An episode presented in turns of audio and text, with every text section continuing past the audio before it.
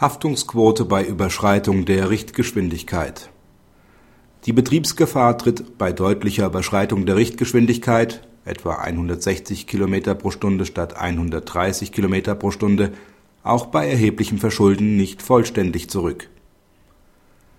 Der Kläger fuhr auf der linken Spur der Bundesautobahn mit 160 km/h statt mit 130 km/h der Beklagte wechselte vom rechten auf den linken Fahrstreifen so knapp vor das klägerische Fahrzeug, dass der Kläger eine Kollision nicht mehr verhindern konnte. Allerdings wäre ein Auffahren bei Einhaltung der Richtgeschwindigkeit laut Gutachten vermeidbar gewesen. Aus diesem Grund lässt das OLG die Betriebsgefahr nicht vollständig hinter dem Verstoß des Fahrstreifenwechslers gemäß § 7 Absatz 5 StVO zurücktreten. Die erhöhte Geschwindigkeit hat sich nachweislich gefahrerhöhend ausgewirkt das OLG bewertete diese mit 20 Prozent und nicht mit 25.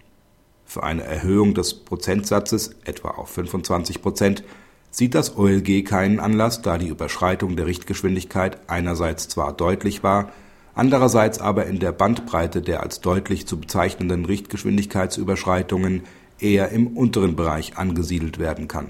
Praxishinweis Eine typische Unfallsituation auf der Autobahn Überschreiten der Richtgeschwindigkeit durch den Überholenden und verkehrswidriger Spurwechsel des Überholten.